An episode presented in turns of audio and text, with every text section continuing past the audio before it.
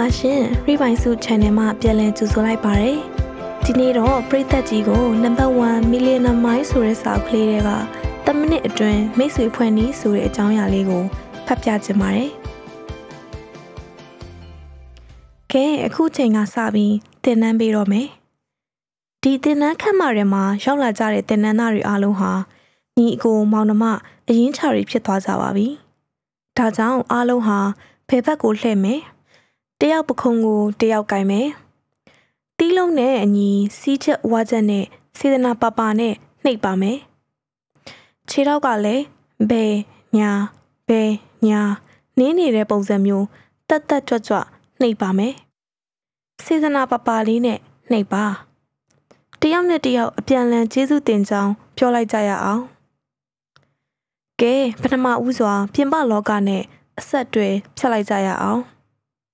ကျေးဇူးပြုပြီးတင်တန်းချိန်အတွင်းမှာတယ်လီဖုန်းများခိတခဏပိတ်ထားလိုက်ကြရအောင်ကျေးဇူးပြုပြီးအားလုံးမတ်သက်ရက်လိုက်ကြရအောင်ဟုတ်ပြီကို့ဘေးနားမှာရှိနေတဲ့တင်နန်းသားနဲ့မျက်နှာချင်းဆိုင်လိုက်ကြရအောင်ကဲတယောက်မျက်နှာတယောက်ကြည့်လိုက်ကြရအောင်တယောက်ကိုတယောက်အတိအမှတ်ပြုလိုက်ကြရအောင်ကဲတယောက်ကိုတယောက်ကြိုးဆိုတဲ့အနေနဲ့အားရပါရလက်ခုပ်တီး ကြိုးဆိုကြရအောင်အရန်ကုန်ဂုံယူစရာကောင်းတဲ့လူတွေဖြစ်သွားကြပါပြီကဲတယောက်ကိုတယောက်လက်ဆွဲနှုတ်ဆက်လိုက်ကြရအောင်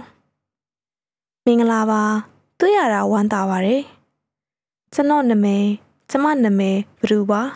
တခါတည်းလက်ဆွဲနှုတ်ဆက်ရင်ကို့နာမည်ကို မိတ်ဆက်ပါယောက်ျားလေးကမိန်းကလေးလက်ကိုလက်ဆွဲနှုတ်ဆက်မယ်ဆိုရင်လက်ရဲ့သုံးပုံတစ်ပုံပဲ လက်ဆွဲနှုတ်ဆက်ရမယ်။စတွေ့ကားစားလူကိုစတွေ့တွေ့ချင်းအသင်းလက်ဆွဲဖြင့်ကျင့်ထားတာမျိုးအကြာကြီးလက်ကိုကင်ထားတာမျိုးမလုပ်ရဘူး။ကဲတမနစ်အတွင်းတယောက်ကိုတယောက်ချီးမွမ်းစကားပြောကြမယ်။ကိုရှိကလူကိုကြည်ပါ။လူတိုင်းမှာကိုနဲ့မတူတဲ့အားနည်းချက်တွေရှိသလိုအားသာချက်တွေလည်းရှိပါတယ်။ဘသူမှတော့ကိုယ့်ရဲ့အာဏာချက်ကို တစ်ဖက်လူပြောလာမှာကို အလိုမရှိကြဘူး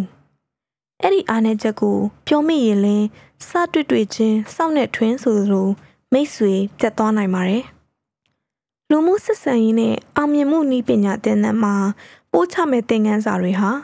လူတိုင်းကိုတန်မိုးရှိတဲ့လူတွေဖြစ်မြင်တတ်အောင်ကိုကလည်းတန်မိုးရှိတဲ့လူတစ်ယောက်ဖြစ်ကြောင်းကိုကိုကိုယ်တိုင်သိရှိလာအောင်နဲ့အမြန်ဆုံးလူတွေအများကြီးကို အောင်မြင်မှုရရှိအောင်တင် जा ပို့ချပေးမယ်တင်နန်းပဲဖြစ်ပါတယ်ဒီတင်နန်းမှာဆရာစကားအတိုင်းနားထောင်ပြီးဆယ်ရက်ပြီးဆုံးအောင်တင်ယူသွားနိုင်မယ်ဆိုရင်ဒီတင်နန်းပြီးဆုံးတာနဲ့မင်းတို့ရဲ့စိတ်ထားတွေပိုပြီးမြင့်မြတ်လာမယ်လောကအလယ်မှာထူးချွန်ပြောင်မြောက်တဲ့လူတွေဖြစ်သွားလိမ့်မယ်ကိုနေတဲ့ပတ်ဝန်းကျင်မှာအထူးခြားဆုံးနဲ့ဆွဲဆောင်မှုအကောင်းဆုံးခေါင်းဆောင်ကောင်းတွေဖြစ်သွားကြလိမ့်မယ်ဆိုတာကို ဆရာကရဲရဲဝံ့ဝံ့အာမခံပြောရဲပါတယ်။ဒါကြောင့်ဒီနေ့ကစပြီးဆရာစကားကိုနားထောင်ပါ။ဒီတင်နန်းမှာပို့ချက်မဲ့အချက်လက်တွေအားလုံးဟာအသေးဖွဲကိစ္စပဲဆိုတာတခုမှမရှိပါဘူး။လူတွေအများစုဟာသိတယ်လို့လို့ကိစ္စလေးတွေအားလုံးကိုအသေးဖွဲလို့တပေါ်ထားကြတယ်။အဲ့ဒီအသေးဖွဲလေးတွေစုပုံများကဒူးစရိုက်မှုကြီးကိုဖြစ်ပေါ်စေတယ်။ ထိတ်တန်းကောင်းဆောင်ကြီးတွေကိုစင်မြင့်ပေါ်ကဆွဲချရဲဆိုတာအဲ့ဒီအသေးဖွဲလေးတွေပဲဖြစ်တယ်။ဒါကြောင့်နံပါတ်1 millionaire mind ဆိုတဲ့တင်နန်းမှာပိုးချချက်တွေအကုန်လုံးဟာကိုဘဝအတွက်အလိုအဆုံးနဲ့တန်မိုးရှိဆုံးအသိပညာရက်တွေကိုပို့ချပေးသွားမှာဖြစ်တယ်။တင်နန်းသားတွေအားလုံးဟာတကယ်လူတော်လူကောင်းတွေဖြစ်တယ်လို့လိမ္မာပါနဲ့တဲ့သူတွေလည်းဖြစ်ကြတယ်။ဘဝအောင်မြင်မှုအတွက်ကိုချစ်တော့ပေါ်ကိုရက်တည်နိုင်အောင်စ조사ချင်တဲ့သူတွေ ဖြစ်တယ်ဆိုတာဆရာကအပြည့်အဝယုံကြည်တယ်။ကိုချီတော့ပေါ်ကိုရက်တည်နိုင်မှကိုဝန္ဒနာပါတဲ့အလုပ်တွေကိုအမြန်ဆုံးလုပ်လို့ရမယ်။ကိုဝန္ဒနာပါတော်တွေလုပ်ဖို့အတွက်ဝါသနာမပါတဲ့အလုပ်တွေကိုအရင်ဆုံးလုပ်နေရလိမ့်မယ်။ဒါကြောင့်မြင်မြန်အောင်မြင်ဖို့အရေးကြီးတယ်။မြင်မြန်အောင်မြင်မှကိုဝန္ဒနာပါတော်တွေကိုအမြန်ဆုံးလုပ်လို့ရမယ်။ဘလို့အောင်မြင်အောင်လုပ်ကြမလဲဆိုရင်အောင်မြင်အောင်လုပ်ကြရမယ်။ နီးလန်းတွေကိုဆရာကဆယ်ရက်အတွင်းမှာပို့ချပေးမှဖြစ်ပါတယ်။ပေးလိုက်တာချင်းအတူတူချိန်နာရီပိုင်းပိုင်ဆိုင်မှုကလည်းအတူတူအကျိုးရှိအောင်ရယူနိုင်ခြင်းမယူနိုင်ခြင်းဆိုတာကတော့မိမိခံယူတဲ့အပေါ်မှာပဲမူတည်ပါတယ်။ကိုယ်ခံယူမှုအပေါ်မှာပဲမူတည်ပါတယ်။ကိုကတင် जा ပို့ချသမျှကို ခွတ်အစုပ်ခွတ်အပေါက်နဲ့ခံယူမလား။ရွှေကွက်ငွေကွက်နဲ့အပြည့်ခံယူမလား။ ခံယူချက်ပေါ်မှာမူတည်ပြီးတော့ဒီတင်နန်းသားတွေအားလုံး၅နှစ်ဆိုတဲ့အချိန်ကာလအတွင်းမှာဘဝတွေကိုစီတိုးတက်ပြောင်းလဲသွားပါလိမ့်မယ်။ဒါကြောင့်အနာဂတ်အတွက်ကိုပါရီဖြစ်ချင်တယ်လဲဆိုတဲ့အဆန္ဒတွေကို ဖြစ်ဖို့အတွက်လူမှုဆက်ဆံရေးနဲ့အောင်မြင်မှုနည်းပညာတင် जा ပို့ချတဲ့ပို့ချချက်တွေကို အလေးနက်ခံယူပါမယ်လို့ကတိကဝတ်ပြုကြရမယ်။ဒီလောက်ဆိုရင်သဘောပေါက်လောက်ပါပြီ။ကဲ 10မိနစ်အတွင်းမိတ်ဆွေဖွဲ့နီးပြန်စကြရအောင်။လူတွေဟာတယောက်နဲ့တယောက်တွေ့ကြပြီဆိုရင်ခြေထောက်ကစကြည့်သလားခန္ဓာကိုယ်ကစကြည့်သလားမျက်နှာကိုစကြည့်သလားကဲဘယ်နေရာကိုစကြည့်ကြပါသလဲအခုလောလောဆယ်ကိုမိတ်ဆွေကိုဘာအရင်ဆုံးကြည့်မိပြီလဲကဲဘာတွေတွေ့လဲပြောပြပါအောင်အဖြေမျက်နှာ ဟုတ်ပြီမျက်နှာမှာဘာအရင်ဆုံးထပ်တွေ့ရသလဲစပင်လားနှစ်ဖူးလားမျက်လုံးလားမျက်ခုံးလားနှာခေါင်းလားနှာခမ်းလားနှရွက်လားလဲပင်လားနကတ်လားဘာအထင်ရှားဆုံးလဲကဲကိုကိုသူကကြည့်နေပြီဆိုတော့သူကြည့်တဲ့အကြည့်မှာကိုဘလို့ခံစားရတယ်လဲဒါမှမဟုတ်ရင်မဲခုန်နေပြီလားအဲ့လိုတစ်ဖက်လူကကိုကိုကြည့်လာပြီဆိုရင်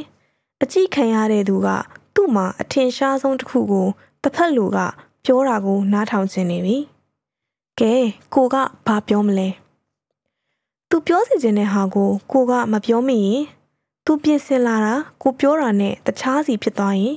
သူဘလို့ခံစားရမလဲအဲ့ဒီတော့ကိုဟာကိုပဲကောင်းကွက်ကို တွေ့အောင်ရှာပြီးတော့အချိန်က10မိနစ်ပဲရတယ်နော်ဘယ်အကြောင်းအရာကိုစပြီးချီးမွမ်းကြမလဲ ချီးမွမ်းစကားတွေဖောဖောတီတီပြောတတ်ခြင်းဟာပီယတိတ်ထိအောင်ထားတာနဲ့တူတယ်ကဲစလိုက်ကြရအောင်စကလုံးတွေအများကြီးမပြောရဘူးသူ့ကိုဟတ်ထိစီမဲ့စကလုံးတစ်လုံးထဲကိုထိထိမိမိပြောရမယ်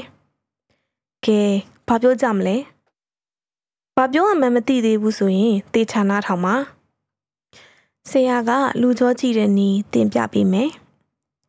လူကြောဆိုတာရွှေကြောပါ mouth to mouth marketing မနဲ့မိုးလင်းလာပြီဆိုတာနဲ့လူတွေဟာပါဇက်နဲ့ဈေးကွက်ဖွင့်ကြတယ်ဒီပါဇက်ကြောင့်ရွှေတို့ငွေတို့တွေရနိုင်တယ်လို့ပြဿနာတွေတတိကြီးလဲလိုက်ပါလာနိုင်ပါတယ်လူတွေကိုဘယ်လိုကြည့်မလဲလူဟာဘယ်အတန်ကိုအချားကျင်ဆုံးလဲတေချာစဉ်းစားကြည့်ပါချီးမွမ်းတဲ့အတန်ပဲဖြစ်တယ်လူတယောက်ကိုတွေ့ပြီဆိုတာနဲ့တစ်ဖက်သားကကိုယ့်ကိုလက်ခံစေခြင်းနဲ့ဆိုရင် ကိုကိုသူရင်လက်ခံအောင်ချီးမွမ်းစကားအရင်ဆုံးစပြောရမယ်လူတိုင်းမှာကောင်းွက်ရှိတယ်အားသာချက်ရှိတယ်စိတ်ဝင်စားစရာအချက်ရှိတယ်ကိုနဲ့မတူတဲ့အချက်အလက်တွေရှိတယ်စပင်းပုံစံကြည့်မလားအဝတ်အစားအယောင်ဖက်နှက်ကြည့်မလားမျက်လုံးမျက်ခုံနှာခေါင်းနှာခမ်းပါးစပ်သွားစိတ်ငကက်လဲပင်လက်ချောင်းခြေချောင်း လက်စွပ်ကိုလုံးကိုပေါက်အရက်အမောင်းအပြုံးတက်ကြွမှုလှုပ်ရှားမှုစိတ်နေစိတ်ထားနဲ့နမယ်စသဖြင့်သူ့ရဲ့အတုံးအဆောင်ကအစသူ့ပဝင်းကျင်အစုံချီးမွမ်းစရာတွေအများကြီးတွေ့လာပါလိမ့်မယ်။သူဟတ်ထိတွားစေမဲ့စကားကိုဖောဖောတီတီချီးမွမ်းမှာစိတ်ပါလက်ပါအားရပါရတက်ကြွတဲ့လေတံအားကြတဲ့လေတံအပြည့်ဝနဲ့အားရပါရပြောလိုက်ပါ။ သူ့မျက်နှာဝင်းလက်သွားပါလိမ့်မယ်။မပြောခင်ကပင်ချီးမွမ်းစကားကကြားချင်နေကြပြီဟုတ်တယ်မဟုတ်လား။ကဲဟုတ်တယ်ဆိုရင်လက်ဆွဲပြီးပြန်နှုတ်ဆက်မယ်။တွေ့ရတာဝမ်းသာပါတယ်။ဟာတီစီမဲ့စကလုံးကိုအဲ့ဒီမှာပြောတော့လက်ကိုအကြကြီးမစုံကင်နဲ့သူ့ကောင်လေးမြင်သွားရင်အစဲခံနေရအောင်မယ်။အမကအရန်ချောတယ်။အကိုကအရန်ခံတာပဲ။အရန်တော်တဲ့တပည့်တွေပဲ။ လှုပ်ဆောင်ချက်တွေအရန်ကောင်းတယ်။တယောက်နဲ့တယောက်တွေ့စင်မှာကိုကြားချင်တဲ့စကားကိုတစ်ဖက်သားကလေးစားမှုအပြည့်အားကျမှုအပြည့်နဲ့ချီးမွမ်းစကားပြောတယ်။အသက်ရှင်ရတဲ့နေ့တွေအားလုံးထဲမှာဒီနေ့ဟာငါ့အတွက်မင်္ဂလာရှိဆုံးနေ့ပဲအပြန်အလှန်တယောက်ကိုတယောက်လေးစားတဲ့အထိမ်းအမှတ်ဖြစ်တယောက်ကိုတယောက်အားရပါရလက်ခုပ်တီးပြီးဂုဏ်ပြုလိုက်ကြရအောင်ကိုကိုချီးမွမ်းစကားပြောတဲ့သူကို ကျေးဇူးတင်ပါတယ်လို့အပြန်အလှန်ပြောလိုက်ပါအရန်လိမ်မာကြတယ်အရန်ကိုချစ်စရာကောင်းတယ်မင်းတို့အရန်တော်ကြတယ်ခမားနဲ့ကျွန်တော်မိတ်ဆက်ခွင့်ရတာကျွန်တော်အရန်ဂုဏ်ယူပါတယ်ဗျာနောက်ကျွန်တော်ကိုနောက်နောက်လမ်းမှာတွေ့ရင်လည်းခေါ်ပါနှုတ်ဆက်ပါလို့အပြန်လန်ပြောလိုက်ကြရအောင်အပြန်လန်ကျေးဇူးတင်ပါတယ်လို့ပြောလိုက်ကြရအောင်စိတ်ရစကားနားထောင်ကြတဲ့ တင်နန်းသားတွေအားလုံးကိုဆရာကကျေးဇူးတင်ပါတယ်အားလုံးအရန်လိမ်မာကြတယ်ကဲတက်တော့တသားထိုင်လို့ရပါပြီမင်းတို့အားလုံးစိတ်တွေအရန်ဖြစ်မှန်းခဲ့ကြတယ်ရာသီဥတုတွေကအေးလိုက်ပူလိုက်လောကဒဏ်တရားတွေကလည်းအပူနဲ့နှိပ်စက်လိုက်အေးနဲ့နှိပ်စက်လိုက်တောကဒုက္ခအလိုဆန္ဒမပြည့်စုံမှုတွေနဲ့ပြေးလွှားလှုပ်ရှားပင်ပန်းခဲ့ကြရတယ်။နံပါတ်1မီလီယံနံမိုင်တင်နက်ခမ်းမကြီးဟာ လူသားအလုံးရဲ့အပူသောကတွေကိုငိမ့်သက်ပေးမဲ့နေရာဌာနတစ်ခုပဲဖြစ်ပါတယ်